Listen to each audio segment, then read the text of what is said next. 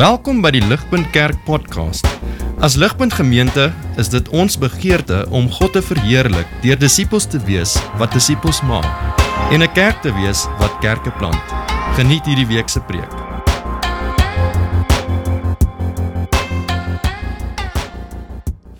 Ek eh, ek wonder wie van julle het die rolprent gesien The Silence. Het julle al die fliek The Silence gesien? Dit het in 2016 uitgekom. Martin Scorsese was die vervaardiger van die rolprent en dit is uiteindelik kom dit van 'n van 'n boek af wat 'n klomp jare tevore geskryf was.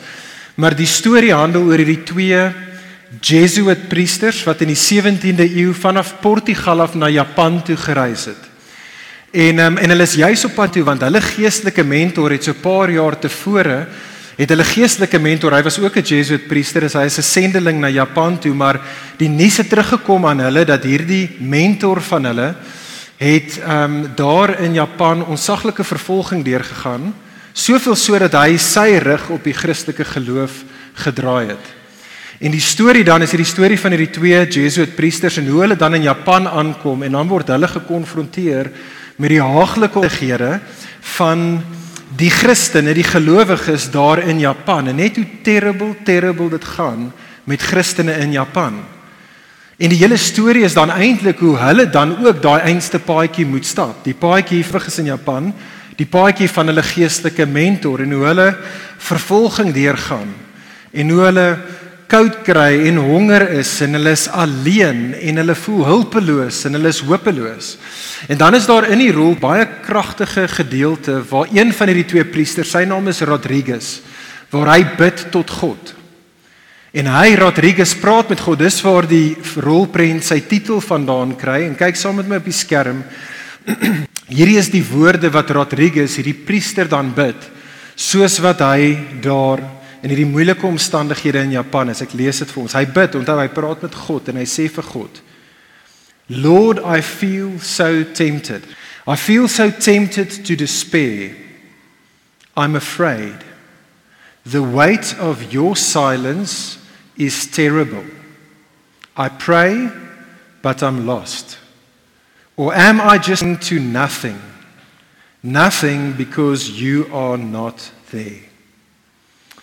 Vriende, en daai woorde resoneer met ons. Nie op 'n goeie manier nie. Ek dink dit ruk meeste van ons want alhoewel ons tipe van vervolging die in die storie is al deurgegaan het nie, ken elkeen van ons uit van waar jy jouself in moeilike omstandighede bevind en jy's daardie moeilike omstandighede wat onverdiend is, wat onregverdig is en eintlik gesproke so onoplosbaar voel.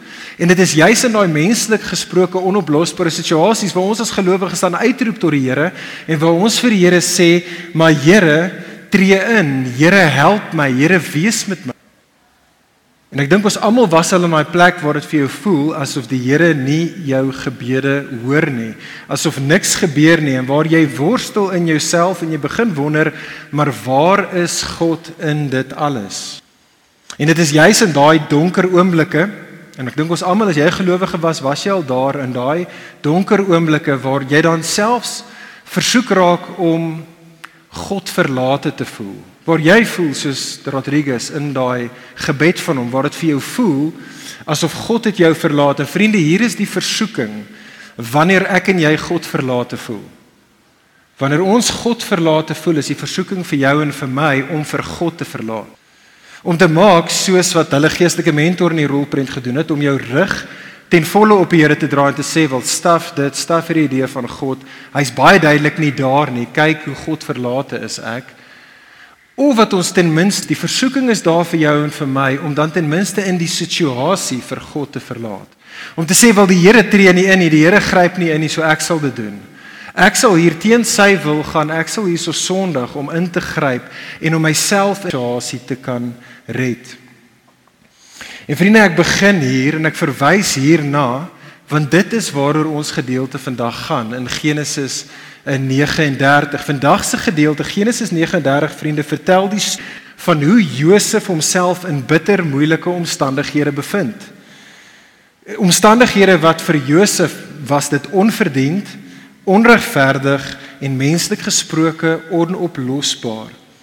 Maar 39 beklemtoon dan vir ons in daardie situasie Vertel dit vir jou en vir my waar God in dit alles was. En wat God besig was om te doen. En dit vertel vir jou en vir my waar Josef, ten minste waar hart waar Josef se geloof in dit alles was en wat Josef gedoen het. En dit is wat ek 'n bietjie op daar. Tel jou maak jou Bybel oop. Genesis 39. Ons is in die 53 vertaling vanoggend. Kyk saam met my eerste inleiding, maar sien raak saam met my vers 1, vriende. Vers 1 sien hoe die storie begin en dan hoe hierdie storie gaan eindig. Vers 1 begin deur vir ons te sê en Josef is afgebring na Egipte. Okay, so hy was gekoop net voordat Genesis 37 deur die Ismaeliete. Nou word hy verkoop aan hierdie Egiptiese man genaamd Potifar. Weereens kyk aan die einde van daai vers, die tweede keer word dit vir ons herhaal dat is afgebring na Egipte toe. Nou daai woordjie afgebring is verskriklik belangrik in nie net vandag se gedeelte nie, maar in die hele storie van Josef van Genesis 37 tot Genesis 50. Dit beklemtoon die traject van Josef se lewe. Beide letterlik, maar ook figuurlik. As jy hierso was 2 weke gelede, Genesis 37, sal jy onthou dat Josef begin van Genesis 37 was hy verhef. Hy was deur God verhef oor sy broers, oor sy familie, regtig kosmies verhef. Dit was begin Genesis 37 en wat het toe gebeur? Het ons gesien in Genesis 37? Wel hy was toe daar van die heel hoogste gedeelte in die beloofde land vanaf Hebron was Josef toe af het hy toe afgegaan na Sichem toe, letterlik afgegaan. Toe van daar af is hy af na Dothan toe. Toe hy in Dothan aankom, gee 30 was hy af in die put gegooi deur sy broers. En het Genesis 37 geëindig en dit gesê en hy was vanaf daai af in die put afgestuur na Egipte toe. En dit is presies wat die skrywer wil hê ek en jy moet verstaan want dit is wat hy nou twee keer herhaal hier in die begin van Genesis 39. En kyk dan, soos wat Josef afgebring word na e- Egipte toe, kyk hoe eindig ons gedeelte vandag. Laat jou oë vinnig gaan na vers 20, vers 23 toe. En die einde van vandag se gedeelte is Josef in die tronk. Die tronk wat hy self in die volgende twee hoofstukke hierna in hoofstuk 40 en 41 die put gaan noem. So die hele punt van vandag, vriende, dit vertel ons hierdie traject van hoe Josef se storie is net besig om laer en laer en laer en laer af te daal. Josef is besig om rock bottom te slaan. En so Genesis 39 tel die storie van Josef se laagtepunt in sy lewe, maar waar God in dit alles was. Wat God besig was om te doen en wat Josef in reaksie op wat God besig is om te doen, Josef ook dan doen.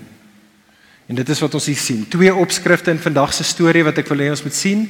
Eersteen is dit: sien raak saam met my God se teenwoordigheid. OK, God se teenwoordigheid. Kyk hoe bestorie saam met my vers 2. Dadelik sê dit vir ons die Here was met Josef. Watter bemoediging is dit nie? Josef is nie in die plek waar hoofde land. Hy's nie saam met die mense met wie hy wil wees nie. Hy's nie saam met sy familie nie. Hy is hierso uh saam met die Egiptenare en hy's ook nie in die omstandighede waarin hy wil wees nie. Hy is 'n slaaf onder slawedrywers in steede van vry.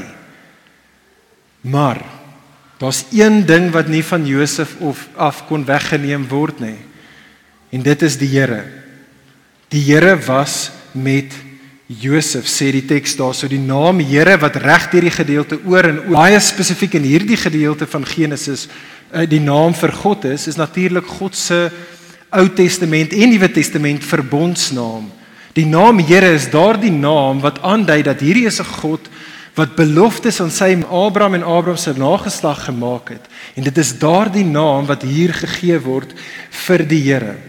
En en en, en, en dit dink aan dink aan 'n huwelik, dink aan 'n huwelik tussen 'n man en 'n vrou nê nee, waar waar hulle waar hulle op hulle troudag is en daar word bond gesluit, daar's beloftes wat gemaak word en albei partye sê nie net dat hulle is committed aan mekaar nie, maar hulle word dan aan mekaar gesement. En dit is wat waar is vir Josef. Hy is in so 'n verbondsverhouding met hierdie God en so ja, hy het 'n maar hierdie Here, sy God is saam met hom daar. En hierdie frase vriende, die Here was met Josef word dan herhaal in die storie. Het jy dit opgetel? 4 keer word dit vir ons genoem. Vers 1 en in vers 2 en dan regde weer in vers 21, weer in vers 23, die Here was met Josef. Dis die groot idee in vandag se gedeelte. Dit gaan alles oor God se teenwoordigheid in die lewe van sy in die moeilike tye. God was by Josef in sy moeilike God was besorgd oor Josef in sy moeilike tye. God was betrokke in Josef se lewe van sy lewe. En die gevolg dan daarvan res van die storie is dat die Here se teenwoordigheid selfs in Egipte dan sien ons dan daarso in die storie dat sê die teks vir ons Josef was dus 'n voorspoedige man. Nou moenie as jy die woord voorspoed dink nie vriende, dit is die gospel nie.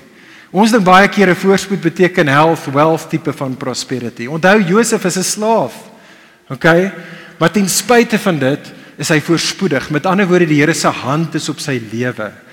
En dit wat hy insig is, soos wat die Here saam met hom is, is besig om goeie vrugte dra, om te floreer in 'n mate selfs daar in terrible Egipte is daar 'n mate shalom in sy lewe om hom. En dit was opmerklik sê die storie vir ons. Dit was opmerklik vir mense om hom, selfs vir Potifar daar in die huis. Kyk saam met vers 3. Potifar wat genoem word sy heer, sien dan daarso dat die Here met hom was, sê die teks en dat die Here wat Josef gedoen het, voorspoedig gemaak het. En so wat doen Potifar? Wel Potifar verhef dan vir Josef. So hierdie traject van sy lewensstorie wat besig was om af te gaan is nou stadig maar seker besig om op te gaan. En soos vir ons die eerste ding wat gebeur, is Potifar sien dat hy 'n voorspoedige man en hy wat 'n slaaf is, wat eers buite die huis gewerk het, word dan binne in die huis geplaas. Een trappie op. En dan sê die teks vir ons en verder word hy Potifar se assistent, nog 'n trappie op.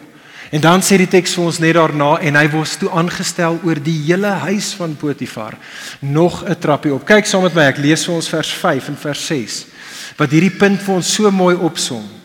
Dit sê vir ons daar en van dat hy, dit is Potifar, vir Josef aangestel het oor sy huis en oor alles wat in sy besit was het huis van die Egiptenaar geseën ter wille van Josef. Ja, die seun van die by alles wat Potifar se was. In die huis en op die veld en hy Potifar het alles wat syne was aan Josef oorgelaat. En vriende, ons ken hierdie beginsel, nê? Nee. Ek wil dit is hoe hierdie lewe werk ook. Dit ons sien dit as jy 'n werk jy kom by 'n werk en jy is op die bottom of the food chain en jy word daar 'n verantwoordelikheid gegee. Jy word verhef tot daai posisie En dan as jy goeie vrug dra, as jy floreer, dan word jy verder verhef, jy word 'n groter sfeer en as dit daar vrug reer, dan word jy verhef tot 'n groter sfeer. Vriende, dit is hoe hierdie wêreld werk. Ons almal verstaan dit en dit is wat hier gebeur in die storie van Josef jouselfs daar in Egipte. Maar vriende, ons het nodig, hoor mooi, om te verstaanlik in hierdie hele storie aan die gang is. En hierdie is so belangrik vir, vir ons om te verstaan. Vriende, hoor mooi, Josef se lewensstorie, selfs hier in Egipte, is natuurlik deel van 'n groter storie. Die storie God. Die storie wat in Genesis 1 begin. So kyk saam met my op die skerm. Dis 'n verse wat ons al reeds 2 weke terug na verwys het, super belangrike verse in die Bybel. Maar Genesis 1 vers 26 tot 28, God wêreld, hy maak die mens juis vir hierdie rede. Daar's 'n rede hoekom ek en jy bestaan.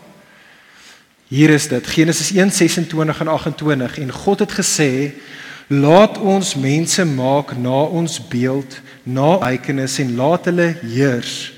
En God het hulle geseën en God het vir hulle gesê vir die mens wees vrugbaar en vermeerder vul die aarde onderwerp dit en heers. Met ander woorde vriende God kom en hy seën hoekom?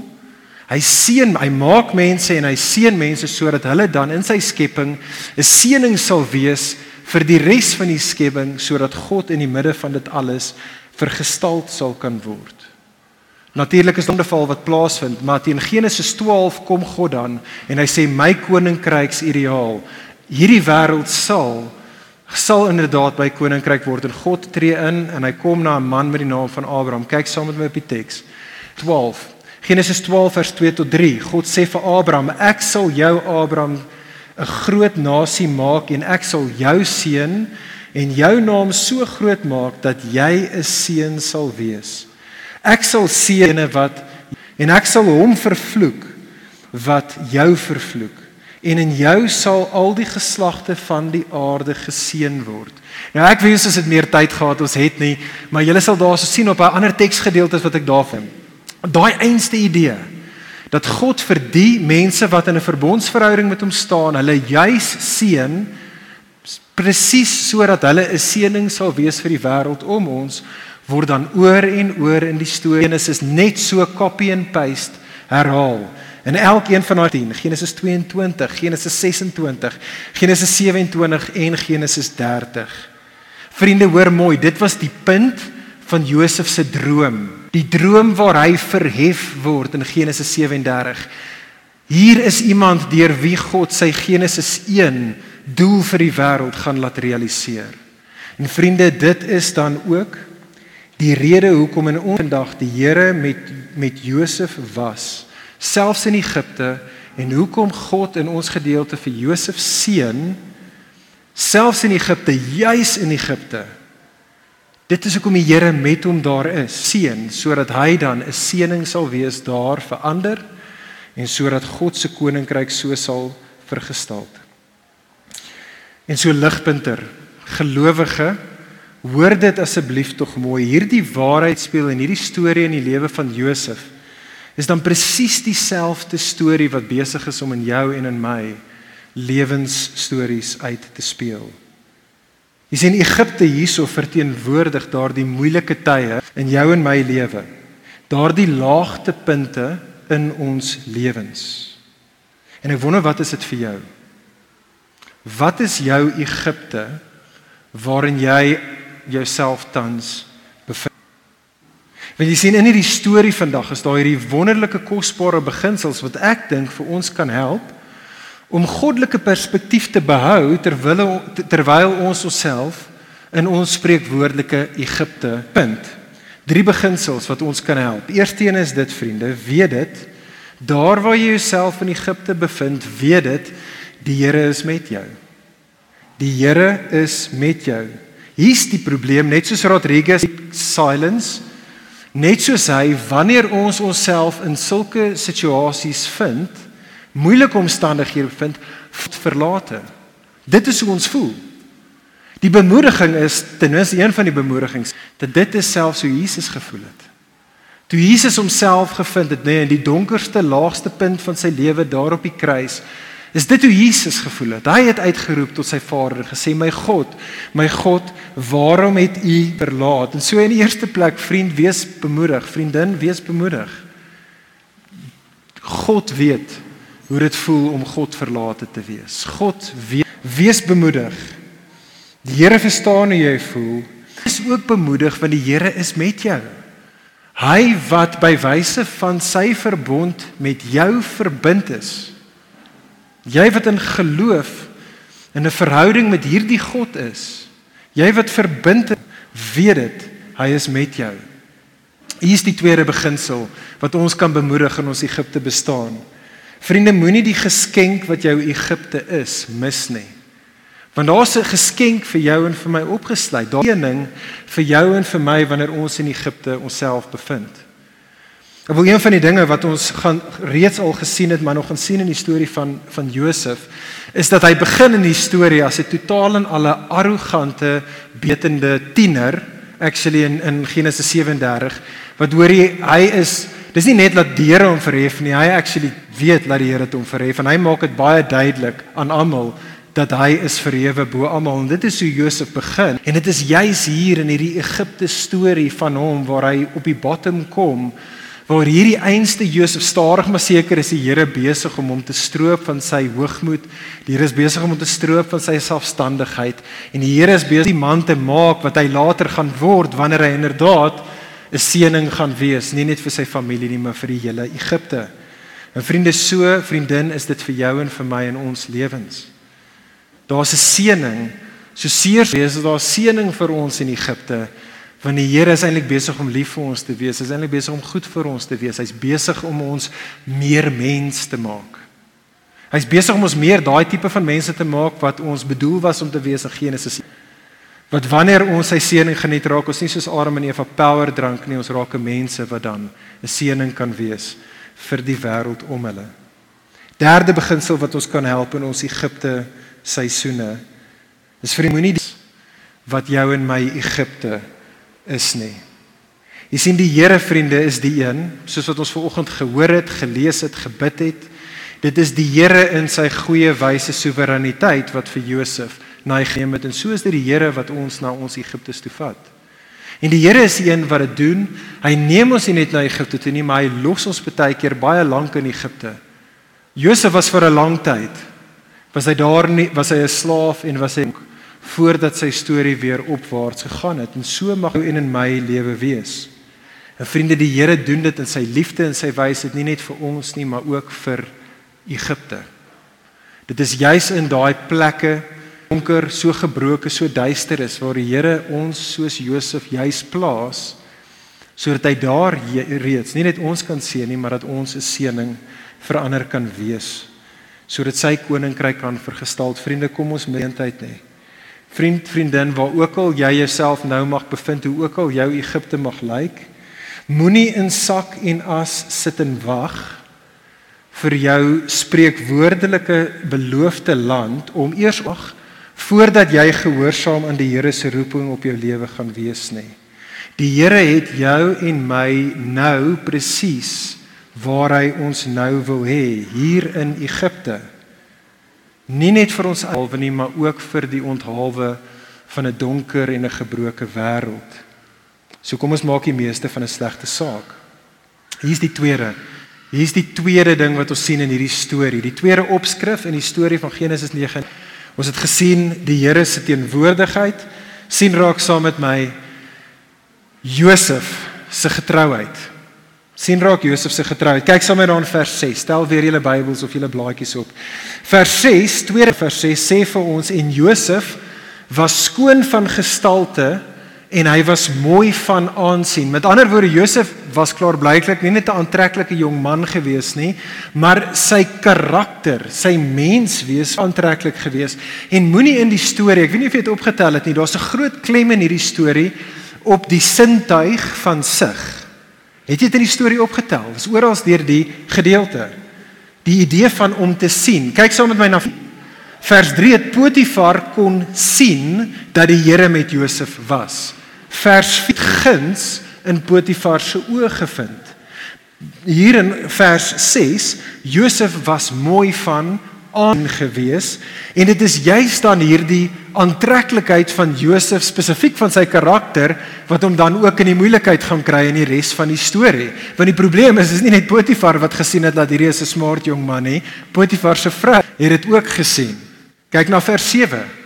Die vrou van sy heer van Potifar het haar oë na Josef opgeslaan. Vir Josef kom hou gemeenskap met my. Letterlik kom lê hier my. In die in die Hebreëus in die in die oorspronklike taal is dit wat die uitnodiging is wat sy vir hom gee is net twee woorde. Dis twee kort en redelike kras woorde. Is woorde wat nooit in die in die Ou Testament gebruik word om te praat van 'n huwelik nie.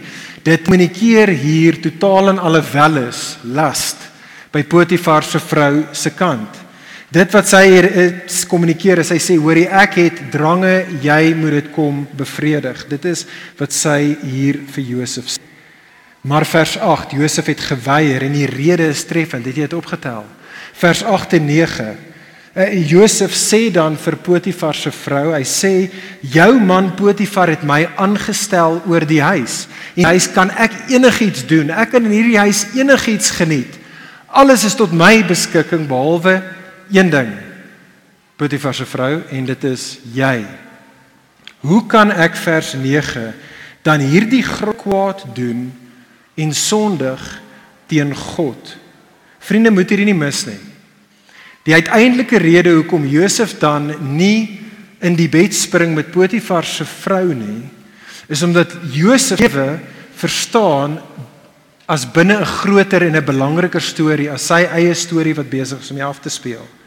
Josef kan onthou daai beloftes wat God aan Abraham, aan Isak en Jakob gemaak het en wat aan elke gedra was op besterfbed aan hulle kinders. Josef kan dit onthou. Josef kan Josef verstaan die roeping op sy lewe dat as mens is hy op aarde primêr fundamenteel hiervoor. Hy's hier en hy's 'n verhouding met die Here hom sal seën sodat hy 'n seëning sal wees vir ander. So as hy dan gaan en met Potifar se vrou gaan lol, dan is hy besig om nie net kwaad te doen teenoor Potifar nie, maar hy's besig om te sorg by skepingsroeping in die wiele te ry. Maar in die storie Potifar se vrou wou nie nee vir antwoord vat nie. So vers 10 vertel vir ons dag na dag het sy aan Josef gekarring en toe eendag vers toe die ander werkers nie in die huis was nie, sê dit toe het Potifar se vrou Josef gegryp, sy kleed ten minste daar gegryp, maar daai woord gryp Daai groep woord gryp is in die oorspronklik weer eens 'n baie harde woord. Dis die einste vertaal word as verkrag. Met ander woorde, sy het hierso het sy haarself op Josef probeer afforceer, maar hy het weggekom daarvan en hy het losgeruk. Hy het weggehardloop, maar dit sy sy kleed gehad.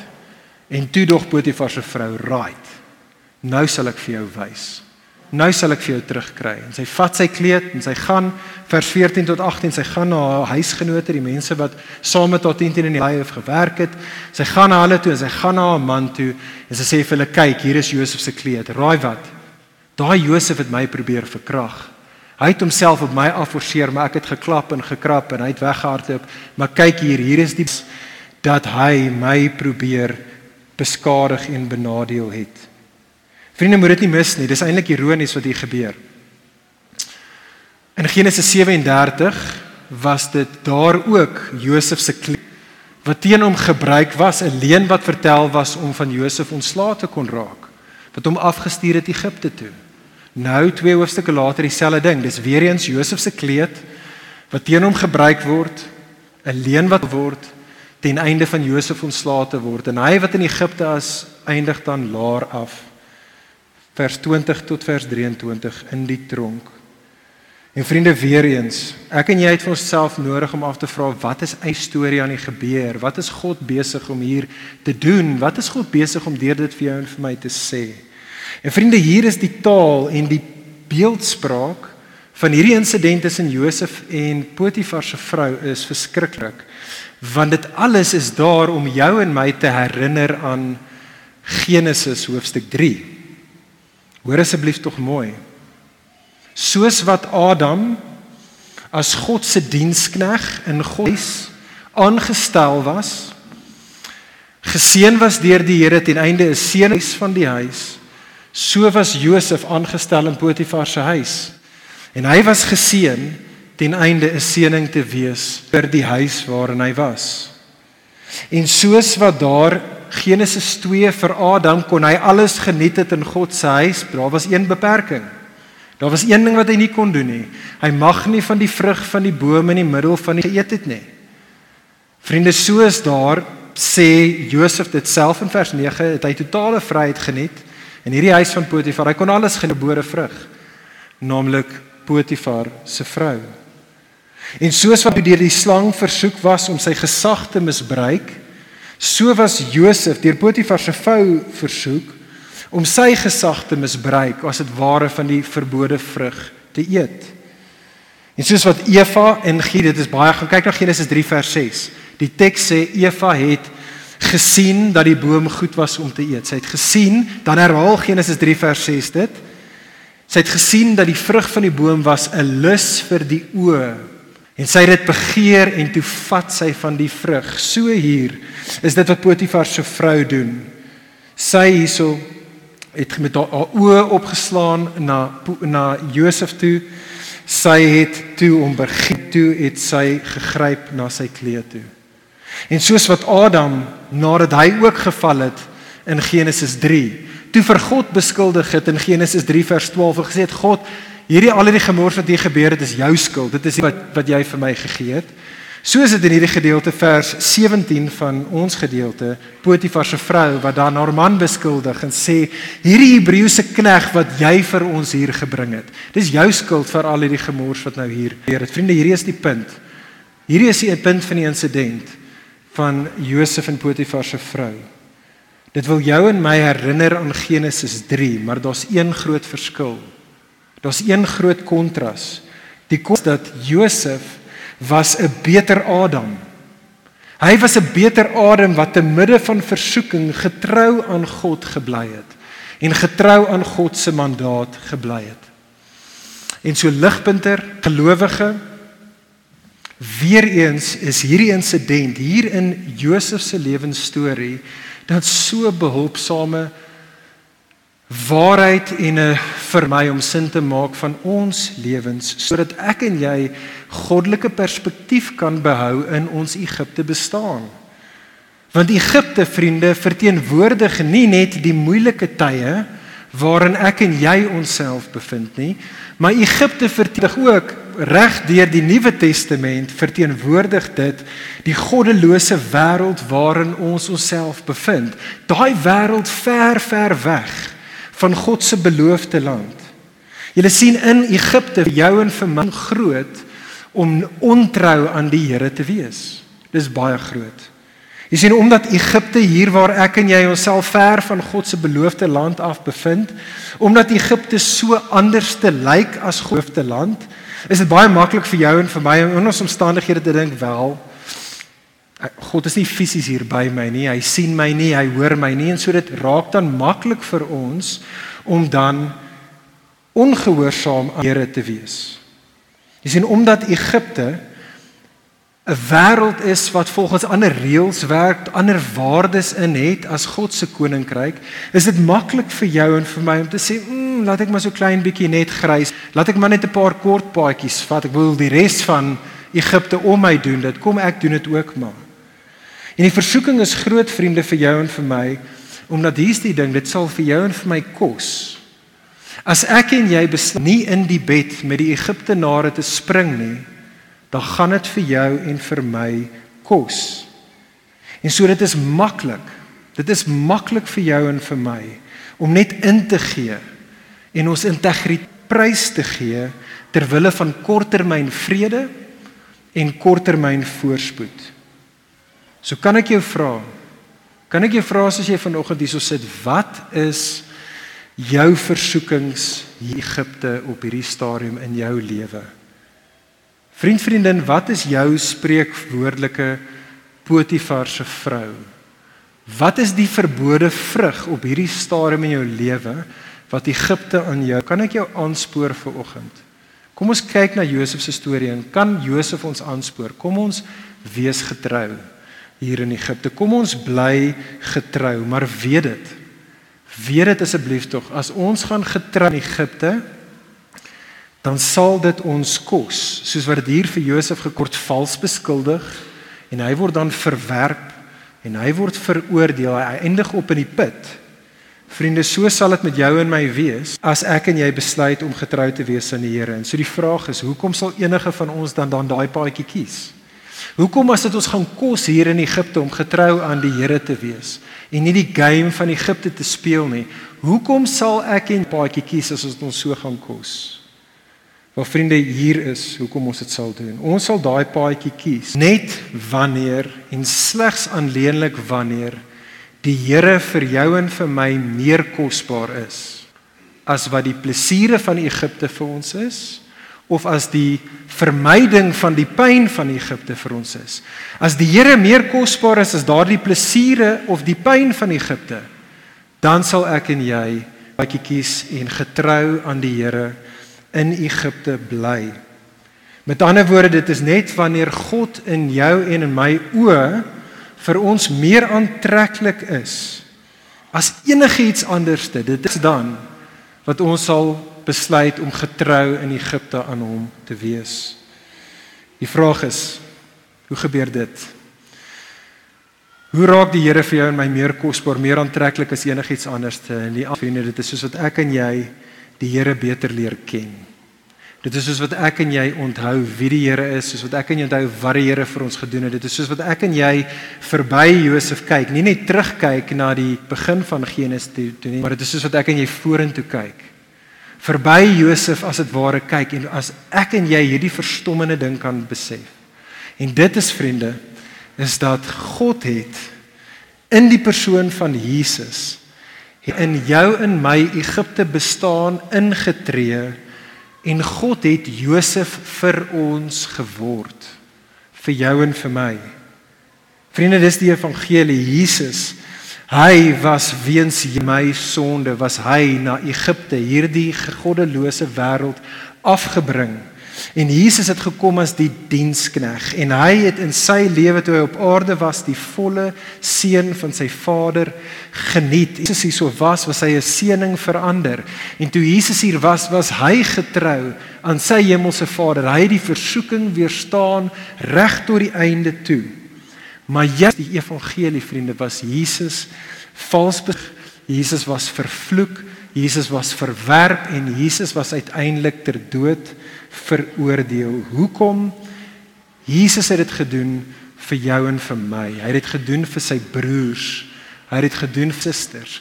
Hy het dit gedoen sodat ek en jy nou nie veroordeel hoef te word vir ons ontrouheid nie.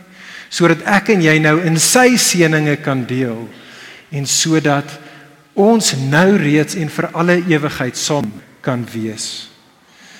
Vriende, dit is die evangelie. Dit is net as ek en jy daai God leer ken in die persoon van Jesus wat ons die vermoë sal kan hê om te kan nee sê vir die en vir die pyn van ons Egipte wêreld. En so ek wil daarmee afsluit. Ek sê dit weer vriende, kom ek en jy op ons aanspoor. Kom ons as gelowiges, kom ons wees getrou. Waar ook al jy jouself bevind, die stadium kom ons wees getrou, kom ons bly getrou aan die Here. Hy is met ons. Hy is vir ons. Hy is goed. Hy's altyd daar en nou waar jy is, gaan hy ons gebruik. Hy gaan jou gebruik. So kom ons wees getrou. Kom ons bid saam.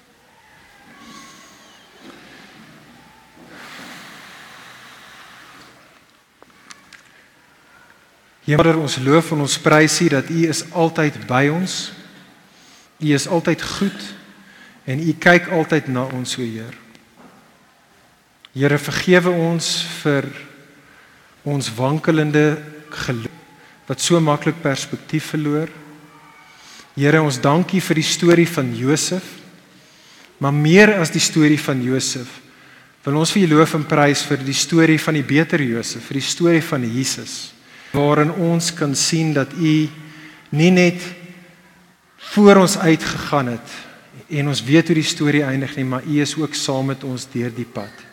En so Here bekragtig ons vir die week wat voor ons lê met al sy vings en met al die seer en die pyn waar ons onsself in mag vind. Here kom en bekragtig ons deur die Gees, versterk ons om vir U te leef. Ons is lief vir U. In Jesus naam. Amen. Vir meer inligting oor Ligpunt Kerk, besoek gerus ons webwerf op www.ligpunt.com of kontak ons gerus by info@ligpunt.com